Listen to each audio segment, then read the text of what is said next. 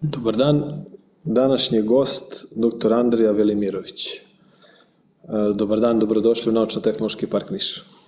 Dobar dan, hvala na pozivu, bolje vas našao. E, pa ja bih vas ukratko najavio, vi ste neko ko je završio osnovne studije, tada postdiplomske, kasnije doktorske studije na elektronskom fakultetu e, u Nišu. Nakon toga vaša karijera počinje jedno vreme u Nišu, ali se nastavlja pa mogu da kažem i širom planete. To je bila i Francuska, i Nemačka, Australija, Sjedinje američke države, Tajland. Jel možete nešto ukratko da nam kažete kako je sve počelo od studija pa, pa nadalje? Ja sam završio, diplomirao 93. godine na elektronskom fakultetu profesor Branimir Đorđević, bivši rektor, čuveni Bane Cambridge i kod njega sam bio asistent. Bio sam na doktorskim studijama u Parizu na Univerzitetu Saint-Quentin Niva u Versailles, ali u stvari radio u laboratoriji za robotiku grada Pariza, koji je bio zajednički za tri institucije CNRS, Centre National de Recherche Scientifique, Paris to je Pierre i Curie univerzitet i već navedeni San Cantan. Nažalost, zbog političke situacije, stipendija je prekinuta, ja sam morao da se vratim, onda ovde završio sa magisterijumom i 2000, 2000. godine smo moja supruga i ja, obe smo radili na fakultetu elektronskom kao asistenti, napustili Jugoslaviju, tada, u tadašnje vreme Jugoslaviju, odnosno Srbiju i otišli u Nemačku, birajući između Holandije, Belgije, Švajcarske i Nemačke, odlučili smo se za Nemačku kao najveću industriju u Evropi. Ja sam počeo da radim u Fujitsu Microelectronics, a, 2000. godine, moja supruga je 2001. zbog malog deteta tek kasnije počela da radi u firmi Thales, a onda sam ja decembra 2001. iz Fujitsu prešao u Thales i u Thalesu smo ostali svih ovih 20 i nešto godina. Vratio bih se Fujitsu, Tamo ste radili na... Uh... Razvijanju mikrokontrolera, ja sam bio u timu koji je radio 32-bitne uh, mikrokontrolere, uglavnom za automotiv, automobilsku industriju, koji su se u to vreme ugrađivali u sisteme ovaj, BMW-a, Opela, Forda i tako dalje. E, u vašoj biografiji video sam da ste vi sertifikovani Chief Technology Manager i Chief Innovation Manager, ali o tome ćemo nešto kasnije da pričamo hteo bih da stavim fokus na ovaj deo, počeli ste 2000, 2001. godine da radite u Talesu da. kao sistemski inženjer. Kao sistem inženjer. Kao sistem inženjer. Na, Ili inženjer sistema, je li tako? Uh, pa, iskreno rečeno, pre toga sam ja mislio da je uh, sistem inženjer u stvari nešto što mi to zovemo sistem administrator. Neko ko se brine o nekom IT sistemu, jer jednostavno taj pojam skoro da nije postojao kod nas ovde. Ni u obrazovanju, ni u, u, u a, industriji.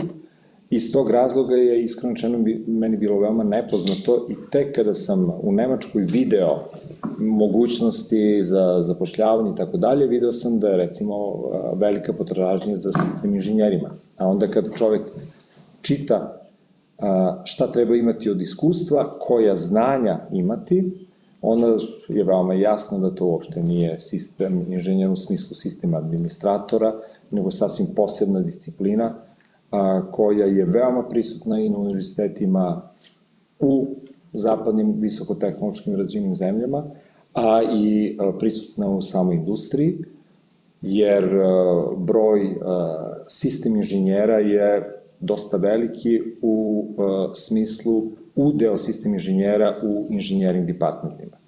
Naprimer, samo Thales ima preko 10.000 sistem inženjera, otprilike 10.000 software inženjera, znači tu je otprilike paritet 1.1, a hardware inženjera ima daleko manje, oko 3 do 4.000. E sad, to naravno zavisi od portfolija, zavisi od firme, u kojim domenima je aktivna, kakve a, produkte ima, kakve rešenja nudi, jer što je kompleksniji sistem, što je kompleksniji proizvod, potreba za sistem inženjerima raste. A, vi ste nam spremili neku prezentaciju koja će u suštini bliže da objasni šta u stvari sistem inženjering jeste i čime se bavi sistem inženjer. Pa eto, možete da krenete čisto sa uvodom šta, šta jeste sistem inženjera, onda ćemo kroz razgovor proći neke, neke druge stvari i eventualno, eventualno pitanje. Mi danas nemamo uh, u Srbiji obrazovanje koje sprema čoveka da bude sistem inženjer ili... Koliko ja znam, ne. Ono što sigurno znam je da recimo na elektronskom fakultetu u Nišu to nemamo. Ja sam uh, juče držao prezentaciju u organizaciji uh, dekana elektronskog fakulteta, profesora Mančića, ovaj, i onda se i kroz uh, auditorijum koji je tu bio potvrdilo, jer tu je bilo profesora sa razrednih katedri, da takvo obrazovanje ne postoji na elektronskom fakultetu, nažalost, i neki je dogovor da se ide i u tom smeru, da se a, tako jedan za početak možda predmet na master studijama uvede, koji bi bio dostupan svim smerovima na elektronskom fakultetu, jer jednostavno sistem inženjering je multidisciplinarna oblast a, koja pokriva, evo ja ću vam pokazati i ovde publici, a, ideja je da ovde kroz jednu kratku prezentaciju pokažem šta je a, definicija sistem inženjeringa, da ukratko navedem V model, osnovni model u inženjeringu je V model, sa koji sam ja, nažalost, prepučuo u inostranstvu, a ne ovde. onda kratko o Agile, korišćenju u sistem inženjeringu. Veoma važna komponent, u stvari deo sistem inženjeringa kao podskup aktivnosti u vezi sistem inženjeringa je requirement inženjering i čak postoje firme koje daju oglase i raspisuju oglase za ljude koji su čisti requirements inženjeri. Znači oni rade samo to i ništa drugo. Naravno u saradnji sa ostalim departmentima u okviru inženjeringa ovaj, e, ideje i da navedem poslednje trendove, najbolje prakse koje su sada prisutne, koji su izuzovi u sistem inženjeringu, postoje i međunarodne svetske organizacije koje se bave sistem inženjeringom i praktično na neki način upravljanjem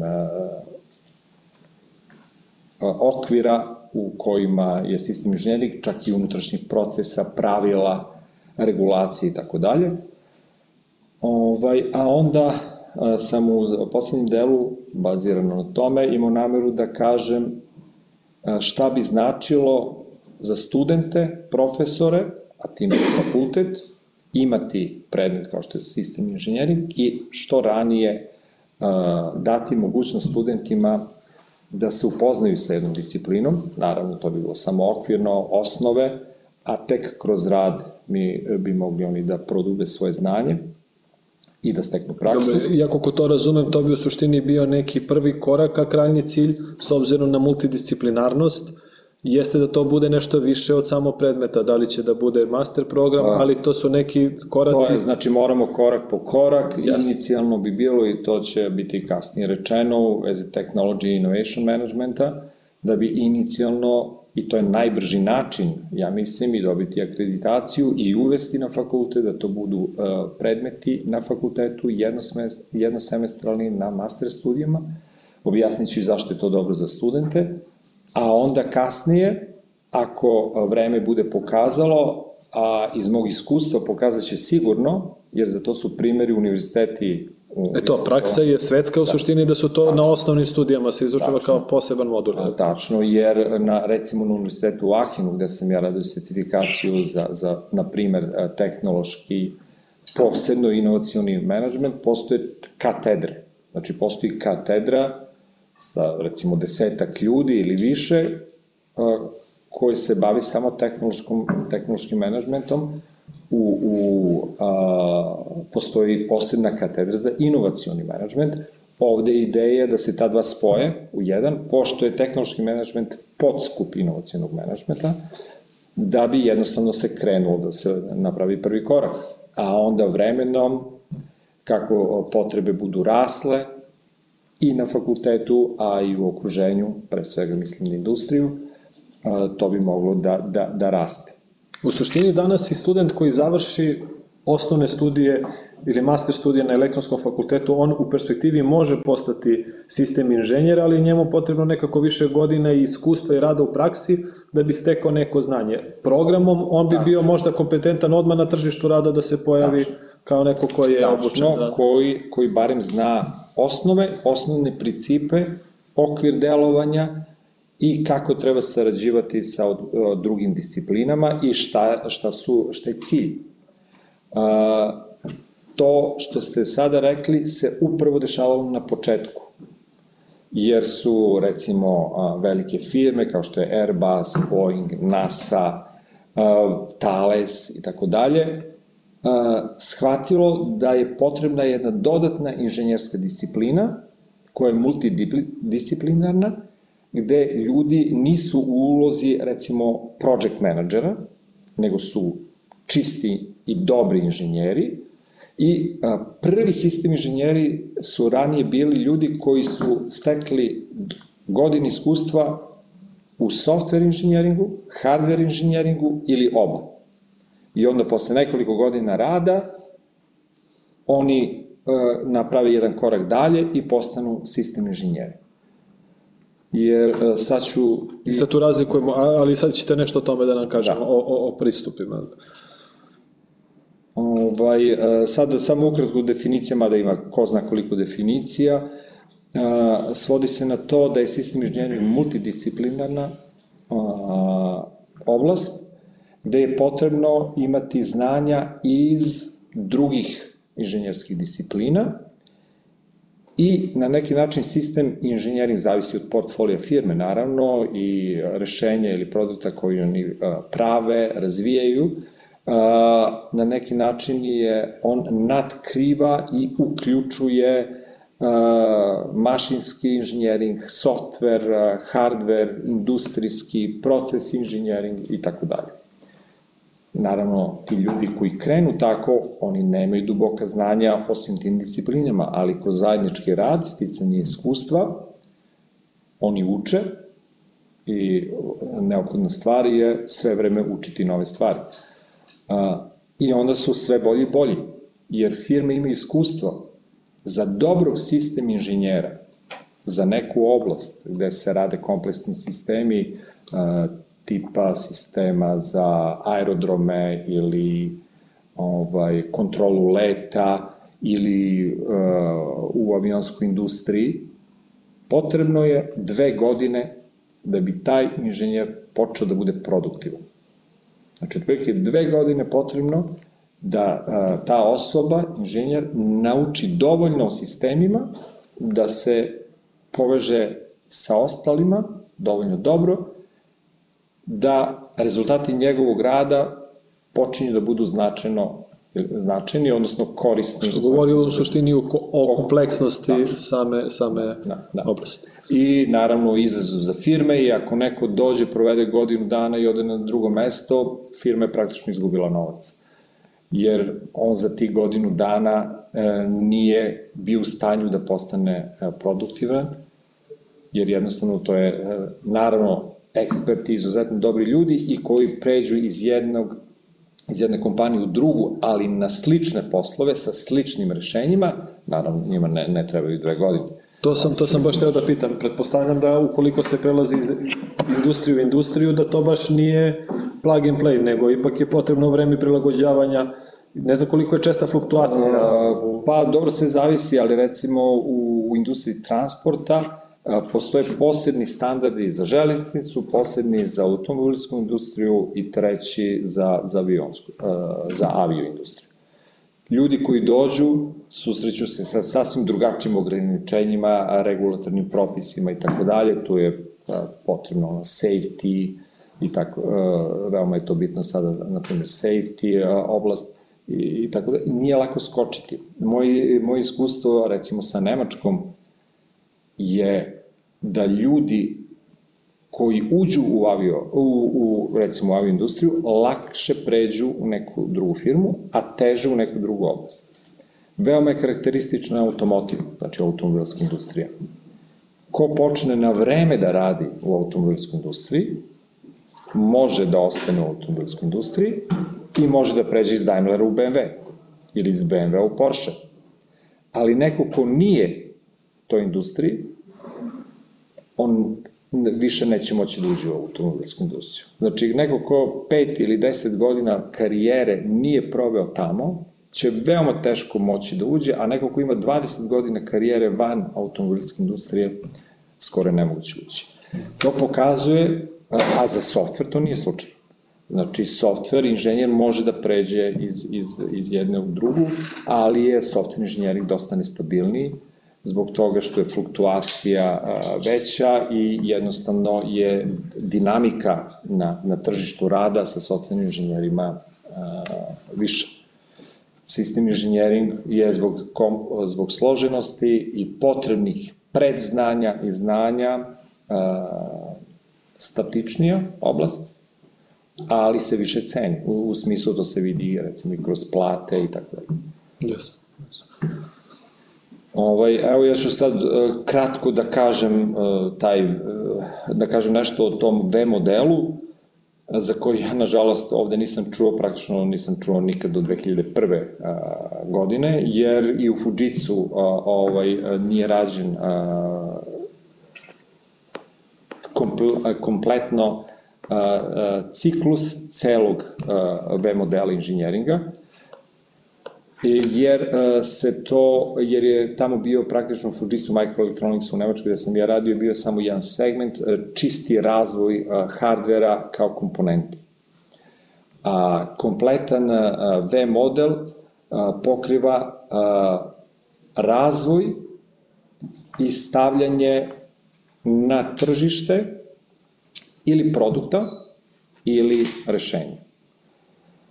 Pri čemu kad kažem rešenje, to se misli na uvek specifična rešenja u zavisnosti od kupca koje se prilagođavaju, ali to su uglavnom sistem, sistem sistema, koja se prilagođavaju zahtevima specifičnim za to kupca. A možete primjer, na primjer, na kome ste... Mogu na, da, da dam primer, recimo proizvod može da bude radar.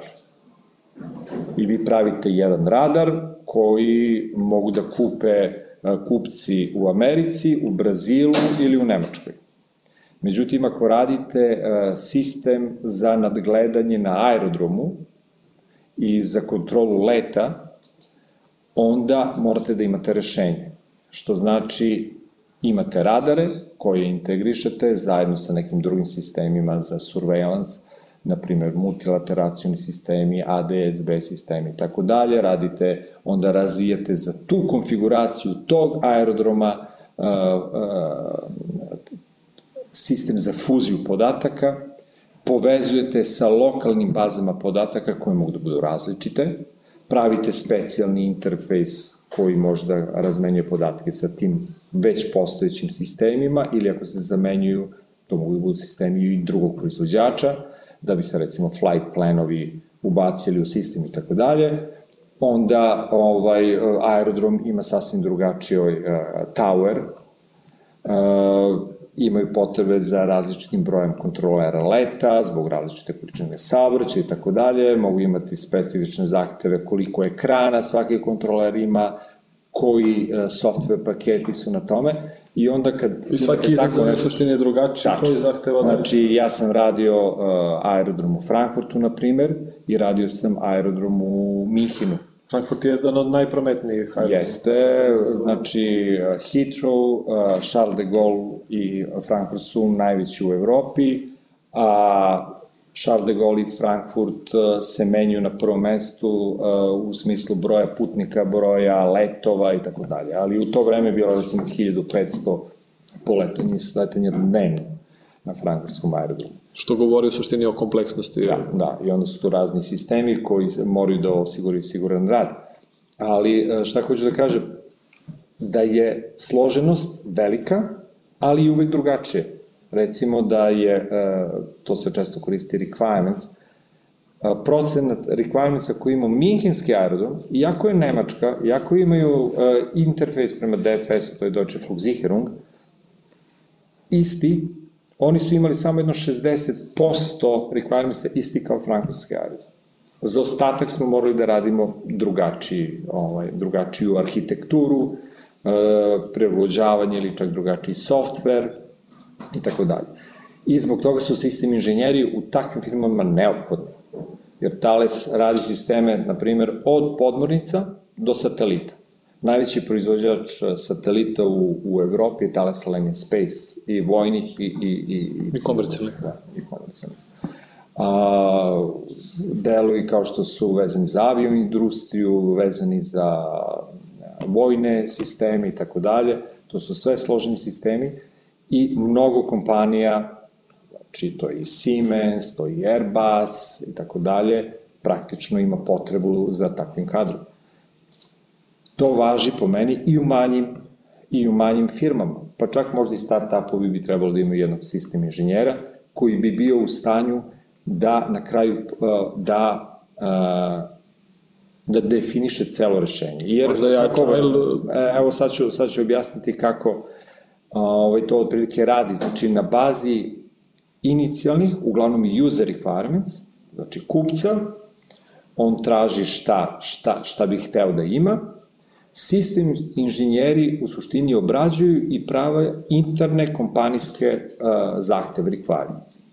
I to je, recimo, u toj e, nomenklaturi takozvani triple S, System Segment Specification, i oni rade SSDD, System Segment Design Document.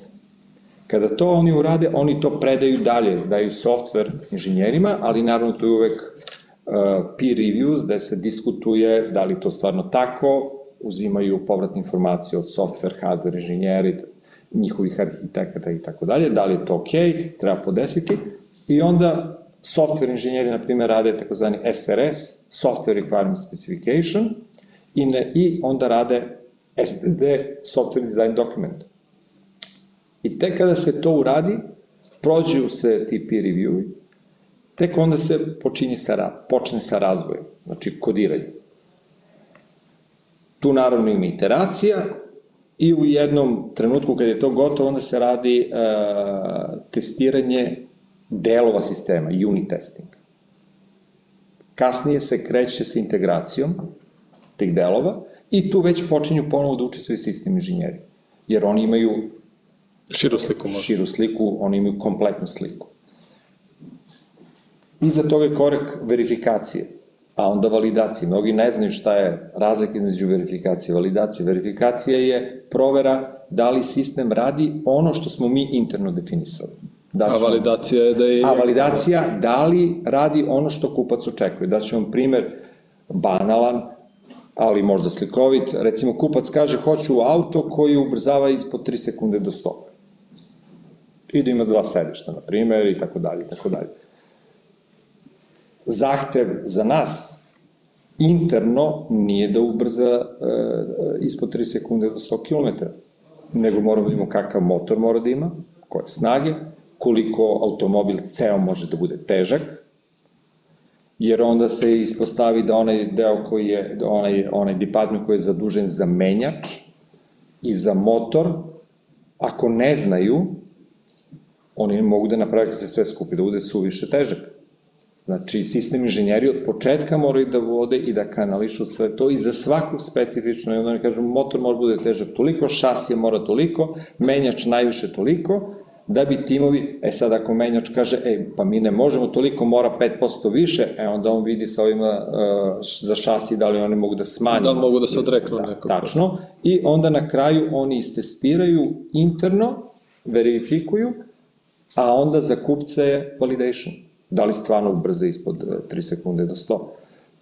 I iza toga idu takozvani uh, factory and uh, site acceptance test, da se prvo u fabrici demonstrira to, a onda na sajtu, jer to se kod nas radi, na primjer za aerodrom, mi to radimo kod nas, a onda kad instaliramo uh, na, na aerodromu, onda se to radi tamo sa pravim podacima, nešto su i input za test i tako dalje. Mnogi, recimo, u sistem inženjeringu se uči, mnogi ne znaju da uh, metode verifikacije I validacije e, nije samo testiranje, ima četiri. Ima analiza, demonstracija, inspekcija i testiranje. Pri čemu je testiranje veoma često gde se generiše ulaz i očekuje se izlaz. Ali onda dolazi u pitanje test coverage. Koliko ja mogu različitih ulaza da generišem da pokrijem sve slučajeve. A uglavnom to nije moguće. E, I tako dalje. Onda se priskače analizi i, i, i td.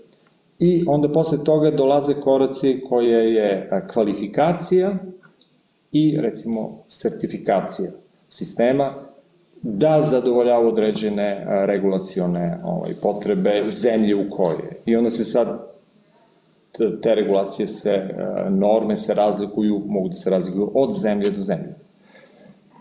I o svemu tome treba da, da vode računa sistem inženjeri u suštini što se tiče tehničkog dela. Paralelno sa tim rade recimo project menadžeri, ali oni su malo više zaduženi e, za financije i tako dalje, e, možda e, intenzivni kontakt sa kupcima i sa regulativnim organima, ali se tu uključuju sistem inženjeri, jer oni uglavnom najviše znaju o, o celom rešenju.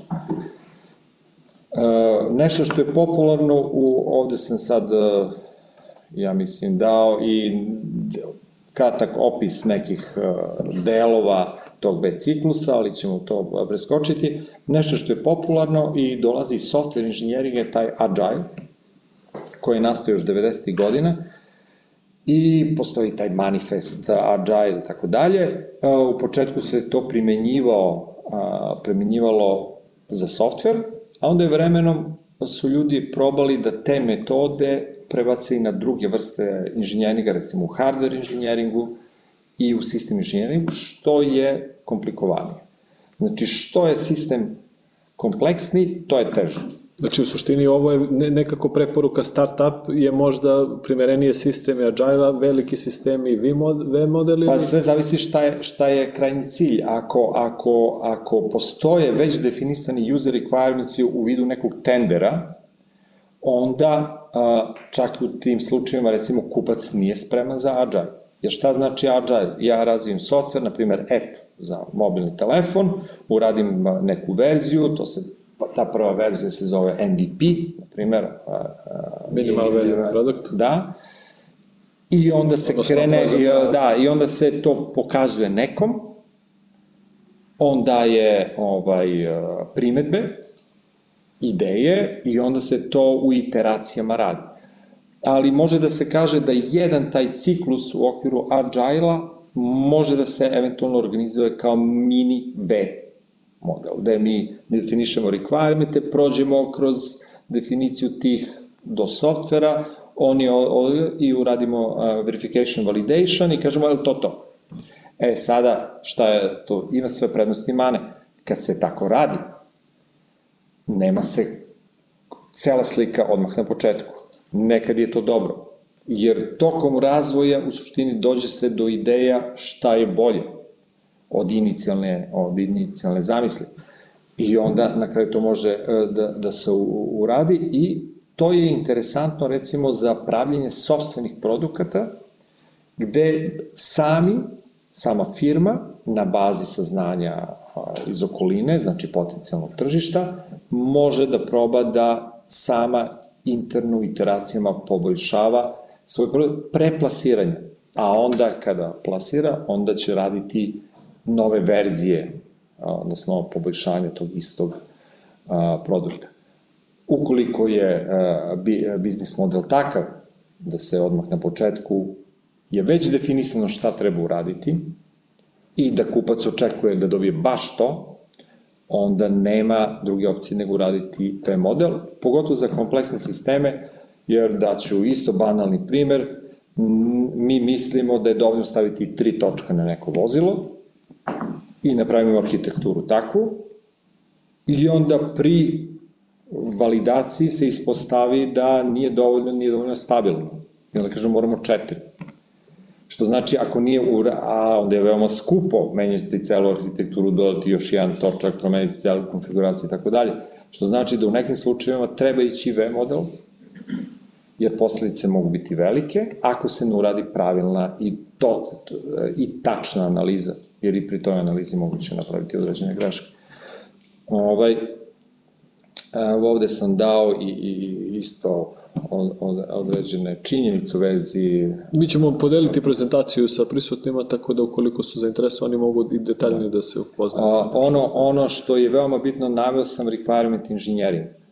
A, to je čitav, to je podskup sistem inženjeringa, ali na nekim univerzitetima postoji poseban predmet samo za to, postoje ovaj,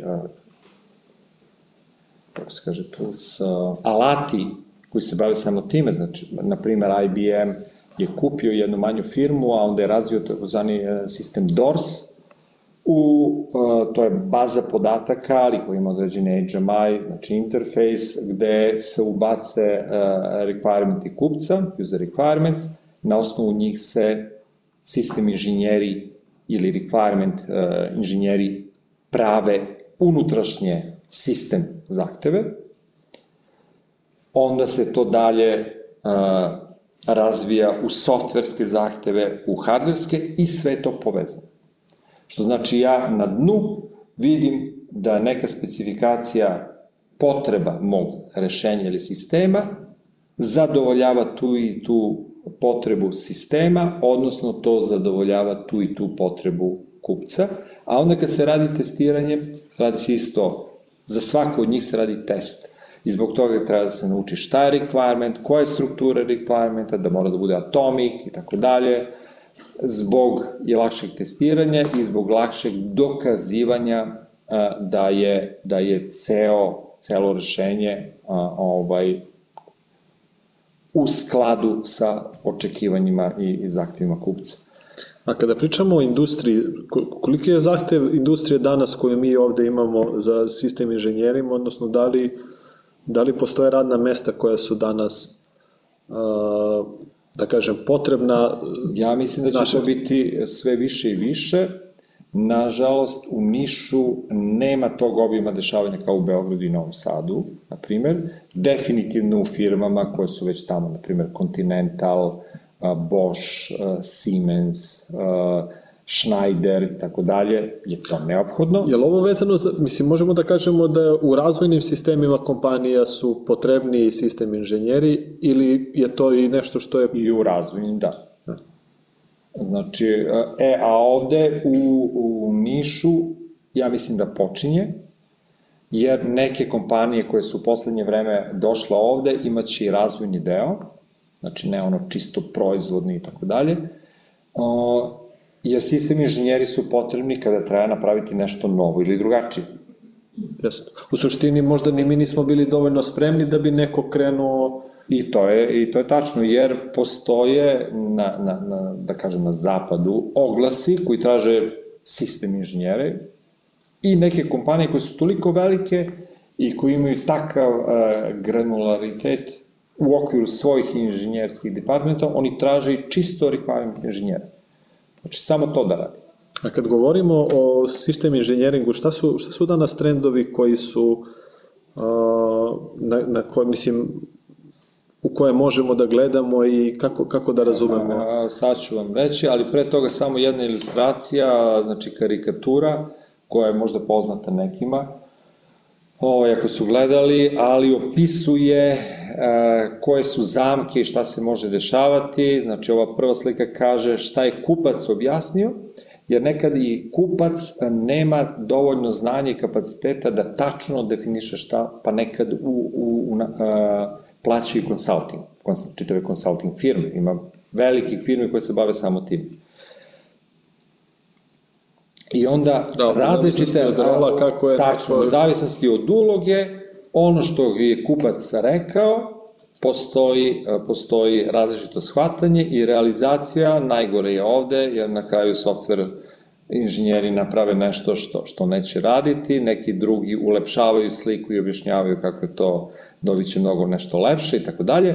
Ono što je da, veoma bitna sistem, sistem inženjering vodi računa o tome, veoma često nema odgovarajuće dokumentacije, na kraju proba da se naplati kupcu mnogo više i tako dalje, ali time se gubi kredibilitet, jer sledeći put neće da radi sa vama ili neka druga firma je čula pa neće raditi sa vama, a u suštini njima je trebalo ovo i na kraju se dođe do toga da treba napraviti nešto tako.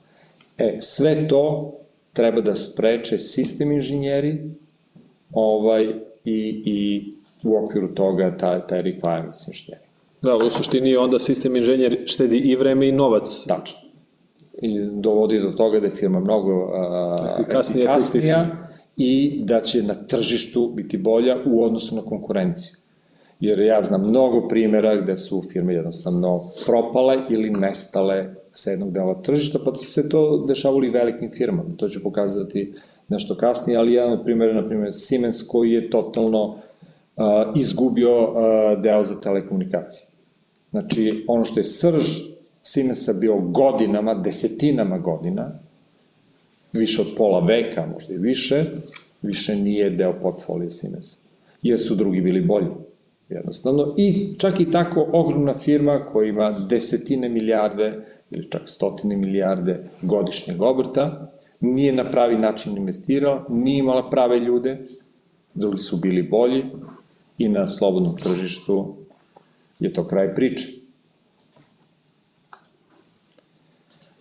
Ovde sam taksativno naveo neke od, od trendova, ovaj, ono što je bitno, model-based eh, system engineering, zašto? Zato što se odrađuju modeli, a onda kako će se pojedine komponente toga realizovati i uraditi, na primjer, u softveru, da li to u javi ili nekom drugom, to je, nije relevantno.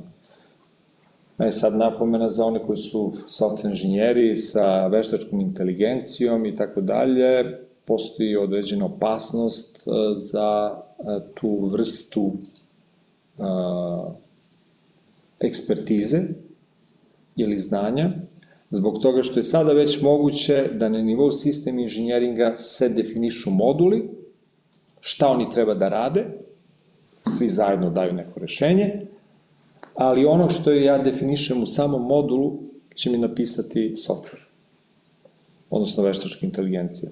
I ja više ne trebam software inženjere koji će da mi uradi kod. Ja samo specifikujem šta i on izbaci, ja samo to istestiram. Ali koliko će se sve to brzo desiti i šta će se desiti na poslovnom nivou, to je pitanje zbog toga što, na primjer, GPT i tako dalje, oni u ovom to trenutku daju besplatno ili skoro besplatno, ali je moguće da je njihov biznis model da oni čekaju određenih trenuta kada će firme ovaj, posla, postati zavisne od njih i od takve tehnologije i onda reće, e, od sada naplaćujemo toliko. A firme su, recimo, redukovale broj software inženjera i td, nema ih na tržištu, tako i dalje. Ja, chat GPT je nešto o čemu pričamo u poslednje vreme i generalno vodi se debata na, na, na svetskom nivou šta, šta nas očekuje, tako da drago mi je da ste izneli i, i, i taj ugao. Nekako utisak je da sa ChatGPT-em znanje i pismenost tek dolaze e, na njihova vrednost tek će da, da, da izađe, jer jednostavno one poslove na koje sad danas gubimo vreme, kas, to će da odrađivati veštačka inteligencija, ali ono znanje, srži, ono što je nama potrebno, ipak danas vi morate njega da, da pratite, da, da mu tražite tačno zahtev koji da vam da, da ali, i da prilagođavate vaše da, potrebe. ali, ali e, radi se onda o pitanju tipa znanja. Verovatno će i obrazovanje da pretrpi... Naravno, jer u ovom slučaju sistem inženjer je onaj taj koji ima širu sliku i koji treba da vidi šta i kako treba da se radi. Ali onaj deo čistog kodiranja možda više neće biti potreban. Znači, nema šta da sedne neko i da piše kod. To uradi veštačka inteligencija, a čovek je da istestira da li to radi, a sistem inženjer zna da li je to dobro ili nije.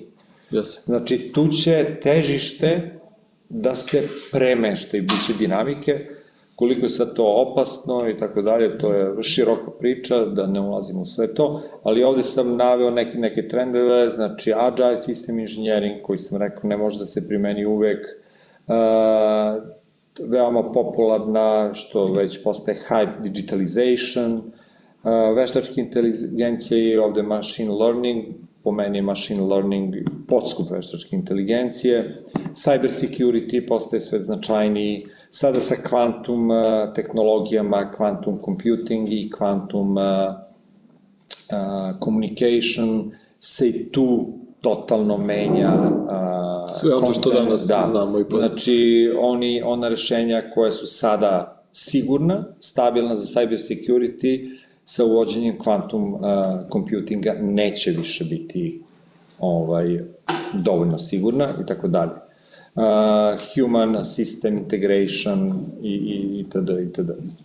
Ovaj, uh, ne, ne, nema smisla sad prolaziti kroz sve to.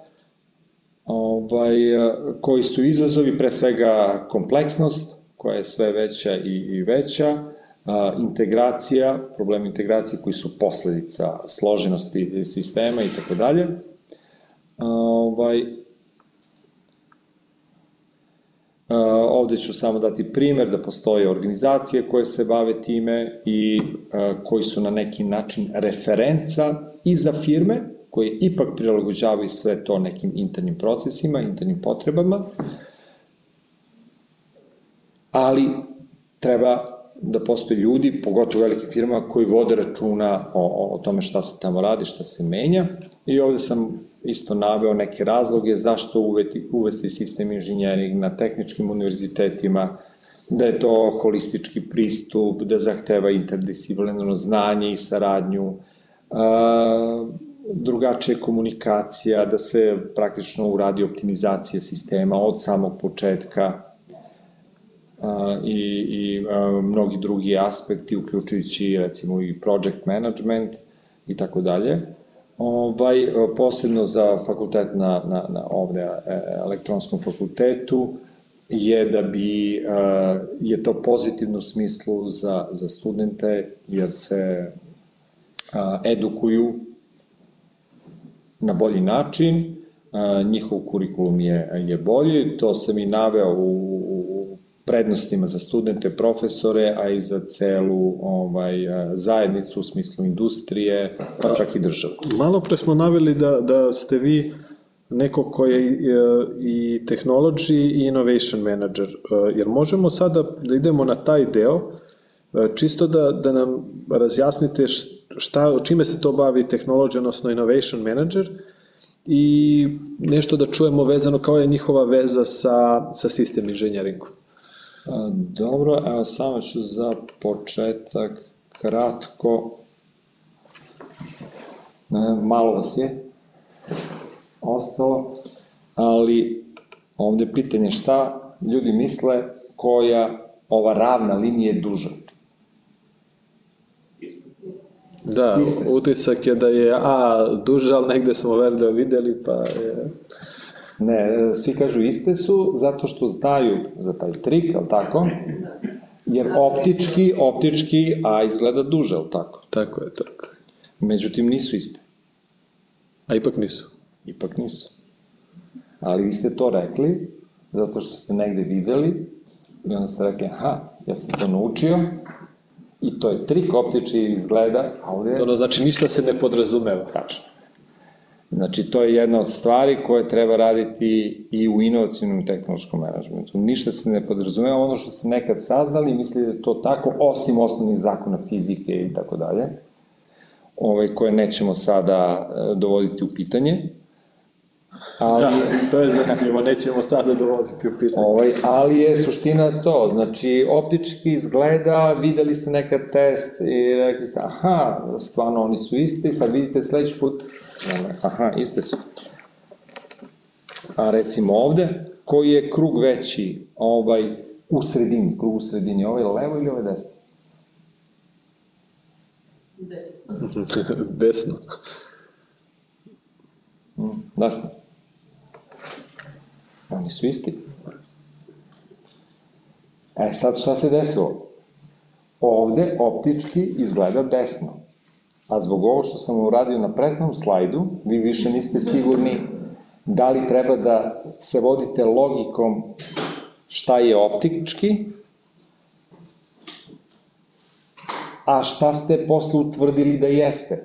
Znači, prošli put ste utvrdili ranije, optički A izgleda duže, ali ste utvrdili da je isto i sad vi kažete, aha, znam za taj trik. Ja sam neposredno pred ovo pokazao da, taj, da je to trik i da niste bili u pravu i ovaj put više niste sigurni. Što je dobro, niste sigurni, ali sad ste ponovno pogrešili. E, sad. To opet dobro, učimo na greškama. Ovo, tako da stalno treba ispitivati. Ništa više ne, ne, ne prihvatamo zdravo za gotovo. E, sada, tehnološki i inovacijni menadžment, malo opet sam možda i naveo da na nekim univerzitetima, kao što je univerzitet u Ahinu, postoje posebne katedre za to, na univerzitetu čuvenom tehničkom univerzitetu u Minhenu, postoji master studije tehnološki menadžment, gde ima više predmeta. E, ovde treba ljudi po meni na fakultetu za početak, bar na master studijama, da budu u prilici, i to ne obavezan predmet, nego izborni predmet, za sve smerove, jer je ovo isto univerzalna stvar, ovaj, da nauče nešto za početak zajedno, tehnološki inovacijni menadžment, mada ima to toliko materijala da može da bude da mogu da budu dva predmeta, ima toliko materijala da može da bude i smer na master studijama, na primjer. Ovaj, ovde je kratki uh, sadržaj, ali ja ću dati uh, Da, ajmo, ajmo odmah da, da, da, da idemo na definiciju. Uh, pa ponovo je tehnološki menadžment multidisciplinarna oblast gde je fokus na razvijanju novih tehnologija, na usvajanju tehnologije koje razviju neko drugi, da bi se tehnološki portfolio firme, to možda bude startup, zaokružio i zadovoljio potrebe da se napravi neki produkt ili neko rešenje. Što je firma veća, što ima više proizvoda koji su nekad i u product lines sortirani, to je tehnološki management veći, kompleksniji, ali i značajniji. I onda postoje firme koje su u stanju da investiraju u nove tehnologije i to već dolazi u sferu research, znači istraživanja. I onda recimo Thales, ali i mnoge druge firme imaju skalu koja prati NATO skalu, uh, TRL, Technology Readiness Level, od 1 do 9, gde je od 1 do 5 research and technology, a od 6 do 9 je research i development, jer to postoje određene stvari gde se u okviru inženjeringa rade, rade ino, promene, inovacije i tako dalje. Uh, taj 1 do 5 je na trojici, je takozvani initial gate, gde se ovaj, a, proverava na osnovu studija, analiza, proračuna, da li će to funkcionisati, raditi, a u nivou 4 5, 5 se završava takozvanim main gate-om, se radi prototip gde se nova razvijena tehnologija dokazuje da može da radi. I tek onda se daje inženjering. Gde onda inženjering možda nešto modifikuje, prilagođava da bi ugradila u svoje, u svoje proizvode i, i, i rešenja koja oni ovaj, razvijaju tu je taj bitan, taj prenos iz uh, research and technology u uh, uh, engineering. A kad pričamo o innovation managementu? E, to je malo druga priča. Ja ću ovde kratko dati šta je otprilike sadržaj, to je moja vizija e, šta technology management treba da, da sadrži. Ono, ono što je e, bitno da se stalno radi analiza sobstvenih tehnologija i resursa, ali i da se gleda takzvani scanning, monitoring, scouting, šta rade drugi, ili ako je to već zaštićeno, da se proba da se uradi nešto slično, znači da se obiđe zaštićeno recimo patentom rešenje, da se napravi nešto slično, sobstvena tehnologija, ili ovaj, da se neka tehnologija na neki način preuzme, da li je ona slobodna ili nije, treba licencirati i tako dalje, platiti možda čak i gotov podsistem ili e, rešenje itd. Ono što je neizostavno za svaku firmu je takozvani technology road mapping, a, koji ide paralelno sa product road mapping, Znači, kad mi znamo šta ćemo kratkoročno, srednjoročno i dugoročno da radimo sa nečim, onda sve to mora da prati i odgovarajuća tehnologija da bi bilo moguće realizovati ta, tako nešto. Što se tiče prvo inovacije, pitanje je šta je inovacija. Mnogi ne znaju šta, šta je inovacija. Da bi govorili o inovacijnom menadžmentu i da bi mogli da kažemo a to je inovativna firma. Da li neko zna šta je inovacija? Jer su ovde svi kao inovativni, start-upovi i tako dalje, ali šta je u suštini inovacija? Nakon onih testova niko ne sme da, da izađe prvi. Nismo više sigurni šta znam. Da, da, da li je ovo inovacija? Znači ja imam ideju i realizujem. Pa ne mora da znači. Zašto? Šta, šta ne mora? Pa mora da u odnosu na postojeću uh, stvar ne unapredi ono što već postoji. Dobro, ali to kad se kaže ideja, misli se nova ideja. Znači imam Aha, ideju okay. da je na novo... Onda možemo da kažemo da, ukoliko je ideja drugačija... Ali nije tačno. A... Jer o, to je pronalazak. Aha. Okay. Ili otkriće. A, primer za to je kad odete u Porsche muzej u Stuttgartu, popnete se stepenicama skroz gore, stepenice vode na vrh, pa se onda ide spiralno dole, uradili su kao Mercedes u muzej, samo manji, kopirali su ih, što nije lepo, nisu inventivni. Ovaj, uh, sa leve strane je primer točka, direct drive točak, električni motor, jer je Porsche 1900. godine napravio elektroauto sa direct drive točkovima. Ali to nikad nije zaživelo. Imao je baterije da pređe 50 metara i tako dalje. Onda je to bilo mnogo teško, ako je nervan teren, nepraktično i td. I električni motor iz 1900. godine nikad nije zaživao. I to je pronalazak ali nije inovacija. Zato što je inovacija u stvari pronalazak koji se plasira na tržište ili i kreira novo tržište, jer nekad nešto ne postoji, onda neko izmisli prvi, Apple je recimo dobro za to, I oni, stvore, oni stvore potrebu, nije da je neko imao potrebu za nečim pa su oni napravili rešenje za tu potrebu, oni su stvorili potrebu i sad svi imaju potrebu tu da drže u rukama mobilne telefone. Uskoro će biti nešto da se lepi automatski, da ne mora ga držim, nego samo ga stavim i on se zalepi i neće da padne. I svi imaju potrebe da je provode vreme na, na telefonima, to nije bilo ranije, ali tako?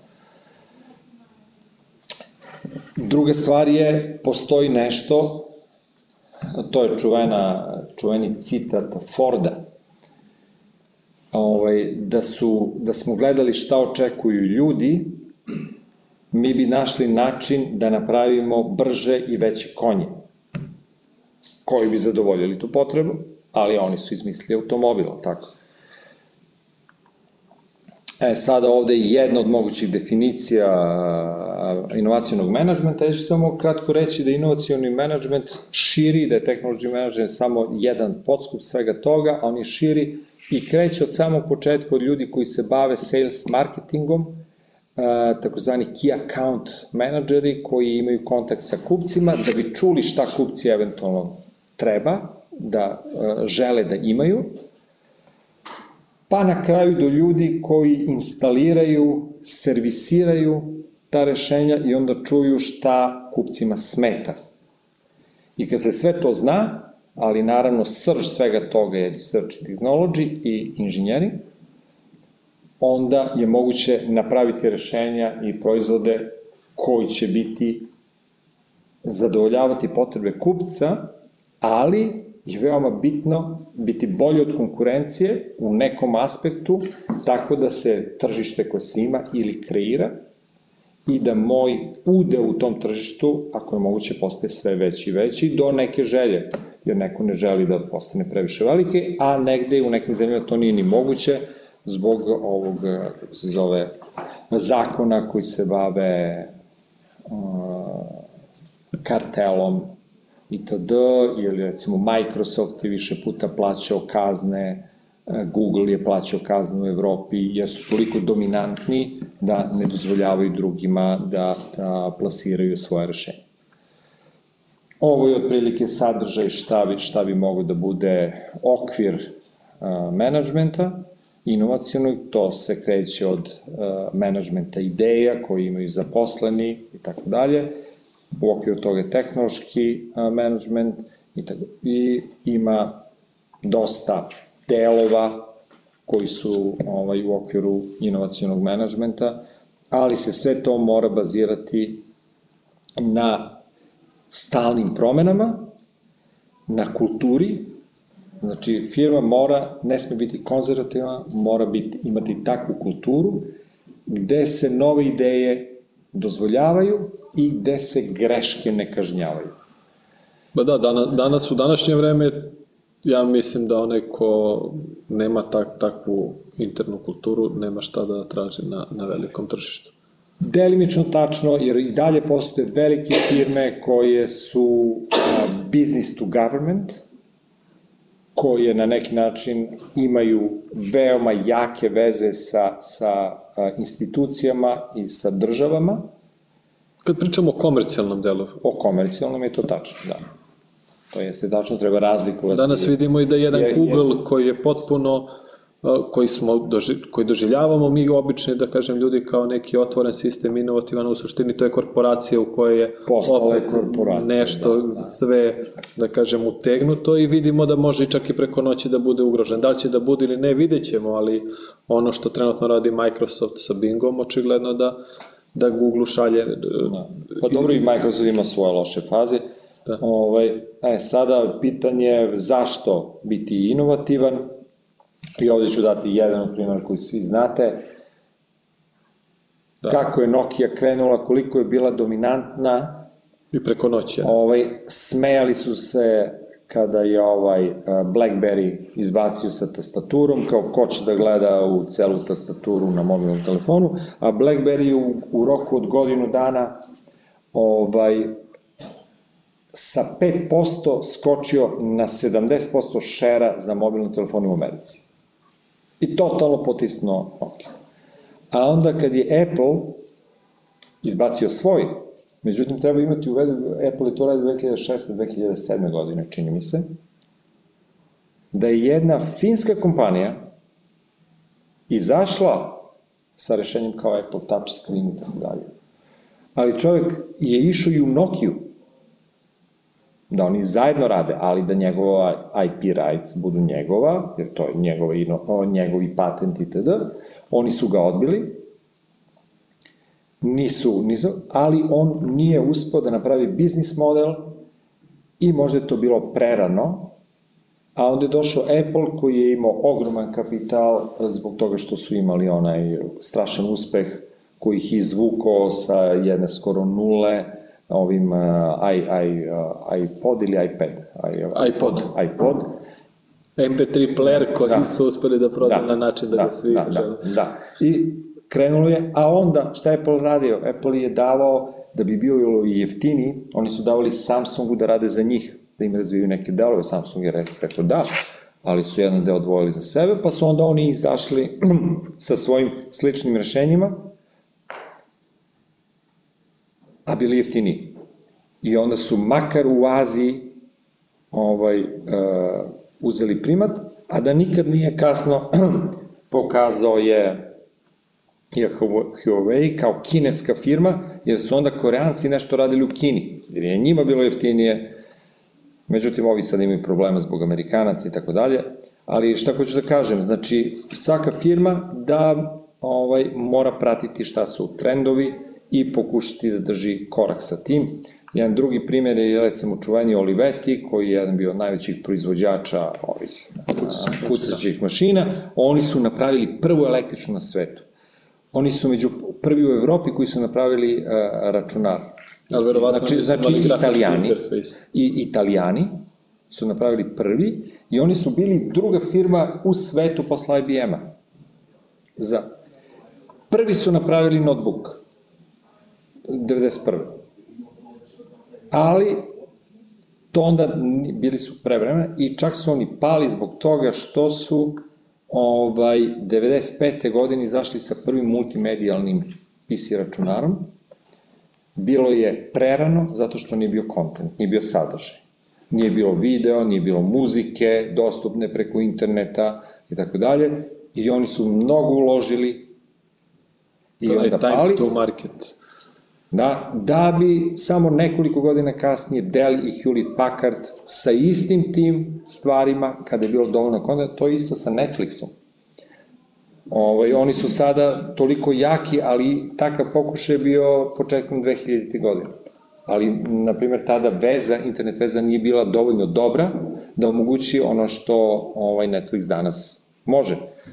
Tako da ima mnogo ideja i oni su kupljeni od General Electrica, Bella, pa ih je uzela onda čisto investicija Pirelli Benetton kombinacija, završili u Telekomu i to je kraj priče.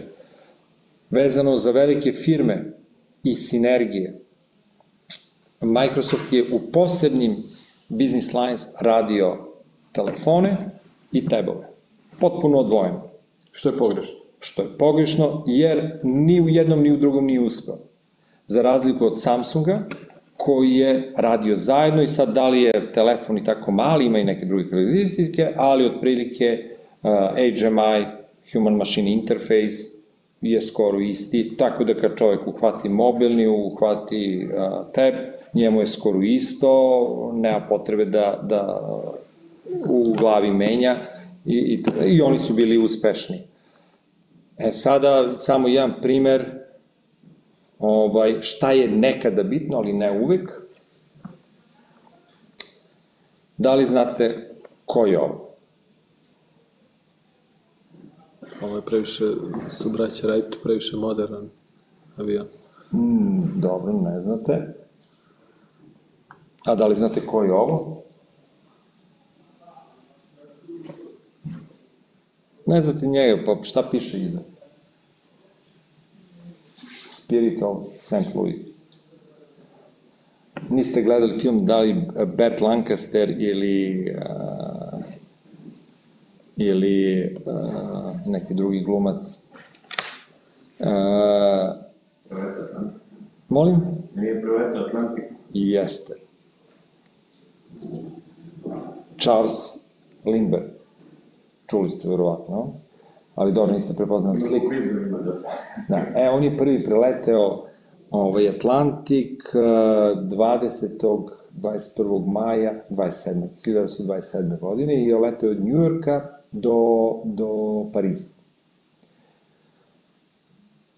E, a ovaj prvi čovek je Clarence Chamberlain,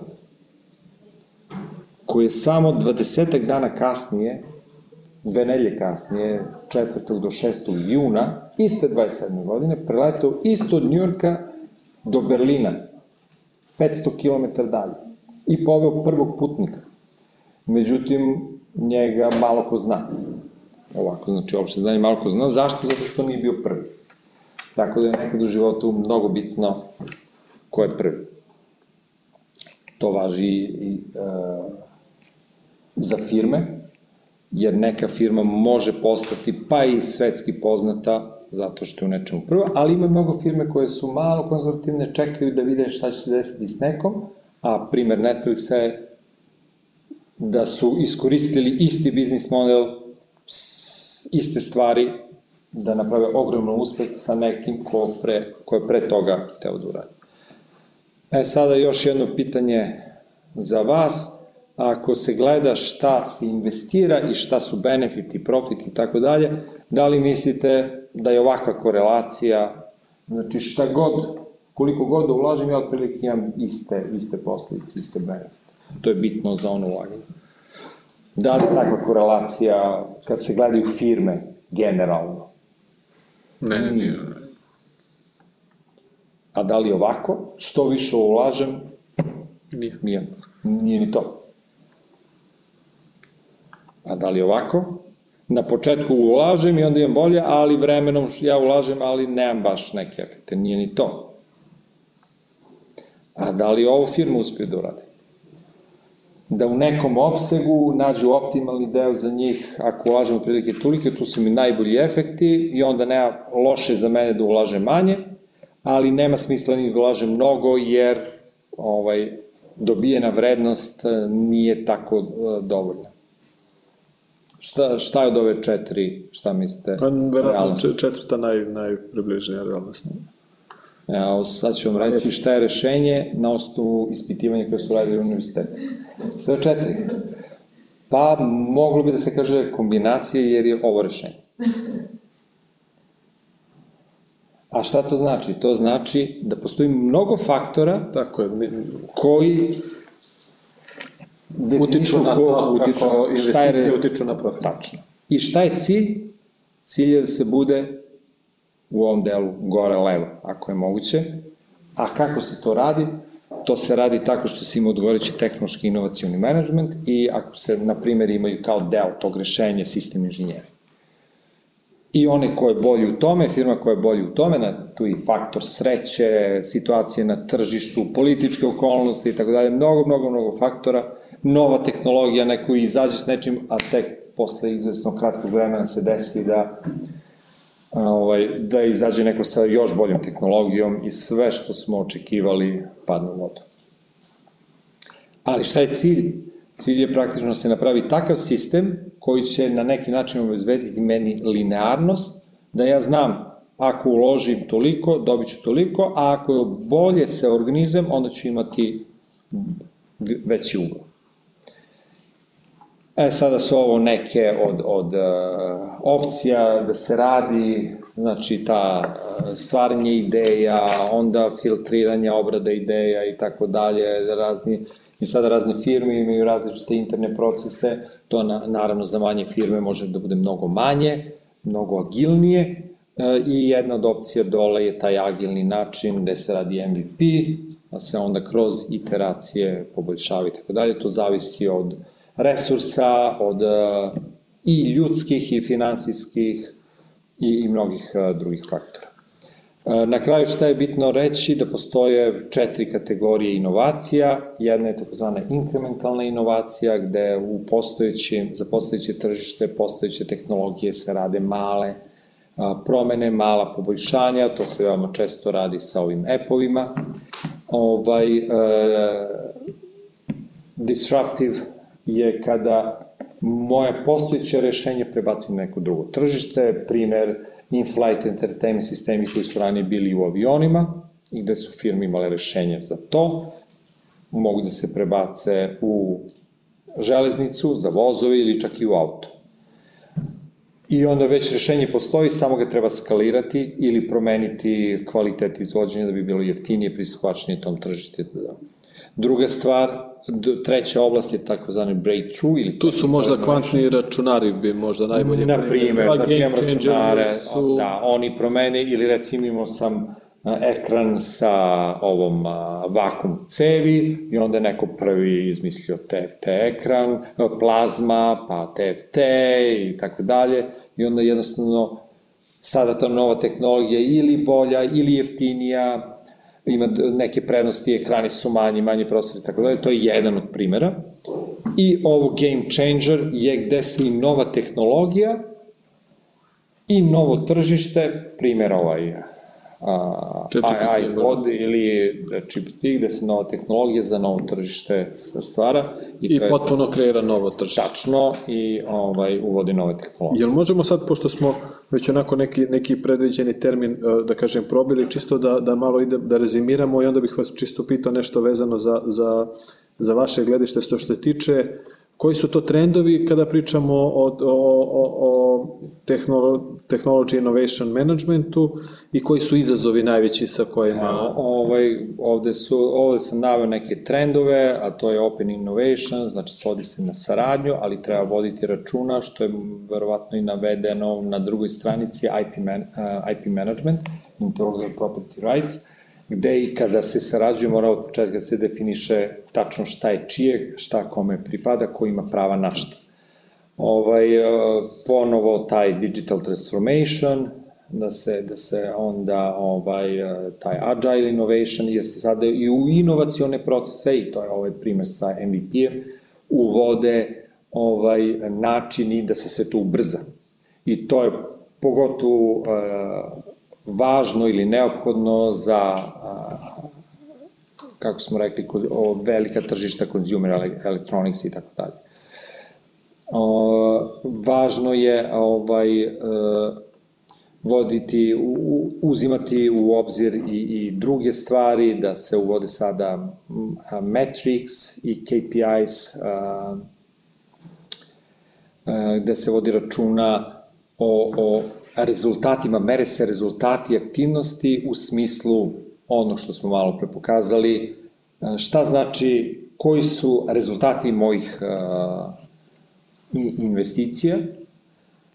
Uh, ovo KPI se Key Performance Index, da vodi se računa o talent managementu, kakvi ljudi, kakve ljude treba zaposliti, kakvo obrazovanje treba da imaju i tako dalje i ovde se ponovo dovodi do toga da potreba za tim da se ima to, barem start na fakultetima, na master studijima je za mene neophodnost, a ovaj, treba imati u vidu da to treba da bude i ranije, vremenom i u srednje škole, a čak i u osnovne škole. Jer primer, ovaj stav malo manje od 20 godina, kada, kada smo živjeli u Australiji, ovaj, jer i, a, tamo smo, smo radili i živeli izvesno vreme, ovaj, sin je išao, pošto je to firma plaćala u najbolju privatnu školu, a oni plaćaju kuću i tako dalje, ovaj, tamo deca prvi razred osnovne škole uče kreativne metode. I dobijaju mikrofon da sada pred decom u sobstvenom odeljenju pričaju o nečemu, drže mikrofon. Znači, već ih spremaju za javni nastup. Za javni nastup, sa kreativnim metodama ih uče kako da razmišljaju, kako da analiziraju, pa su tu možda neke slične stvari kao što smo malo pre pokazali sa krugovima itd., ali uče ih i, i metode da se sve to ne bude a, haotično, nego strukturu, jer uče metode. Ovaj, koji su trendovi, rekli smo veštačka inteligencija, blockchain itd. itd. da ne ulazim sad u detalje. Ovde ima još, ali nemamo vremena. E, koji su izazovi? Veoma veliki izazov i u velikim, a i u malim firmama je balansiranje između kratko i dugoročnih ciljeva. Pogotovo je to vidljivo u velikim firmama, jer nekada onaj ko odlučuje, ko daje budžet, daje saglasnost da se nešto radi, on, recimo, zna, ako imam moj deo napravi 5 miliona profita, ja ću dobiti taj taj bonus. Ako uložim 2 miliona u to, što će mi kroz 3 godine ili 5 godina doneti više, ali ja tu neću biti, ići u neko drugo mesto, onda ću prijaviti 3 miliona i onda ću bonus da bi bude manji ja nađem razlog zašto to ne treba raditi.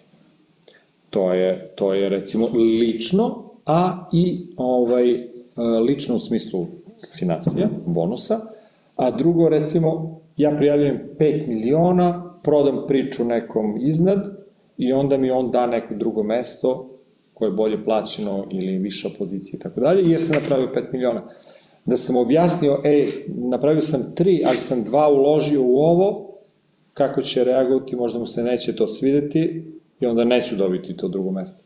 Tako da u korporacijama pogotovo ima mnogo, mnogo takvih stvari. Verujem da je za manje firme to jednostavnije, jer jednostavno osnivač ili vlasnik firme, njegov interes je i dugoročniji. Znači, on gleda šta ću ja postići kasnije, neće se voditi... Za razliku od menadžera koji upravlja nekim velikim... Da, koji gledaju sobstveni interes i zna oni tu dve, tri godine ide dalje ili će dobiti otkaz. Uh, dobro. Ja bih vas za kraj pitao, s obzirom na veliko iskustvo, bogatu karijeru, pa radili ste, mož, možemo da kažemo, u celom svetu, šta je to nešto što biste voleli da vam je rekao neko na početku vaše karijere? A nije mi rekao. Ili jeste? A, to je stvarno, stvarno a, a, teško pitanje, jer ima toliko, nemci kažu, faseta, odnosno aspekata svega toga. Ali u suštini, a, ne da mi je neko rekao, nego što ja mislim, a, ne vredi, ne vredi se kajati, treba se truditi iz, iz situacije u kojoj čovek izvući maksimum, Naravno da je moguće nekad na, na raskršću otići jednim umesto drugim putem, ali je pitanje šta bi se desilo, znači ostati tu gde jesi, učiti iz grešaka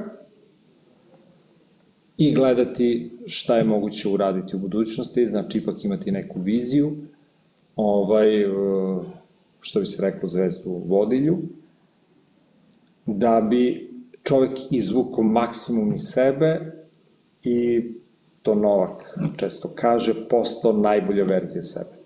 I to je stalni proces. Andrija, hvala vam puno. Završit ćemo sada i, i ovu epizodu, pa se vidimo drugom prilikom.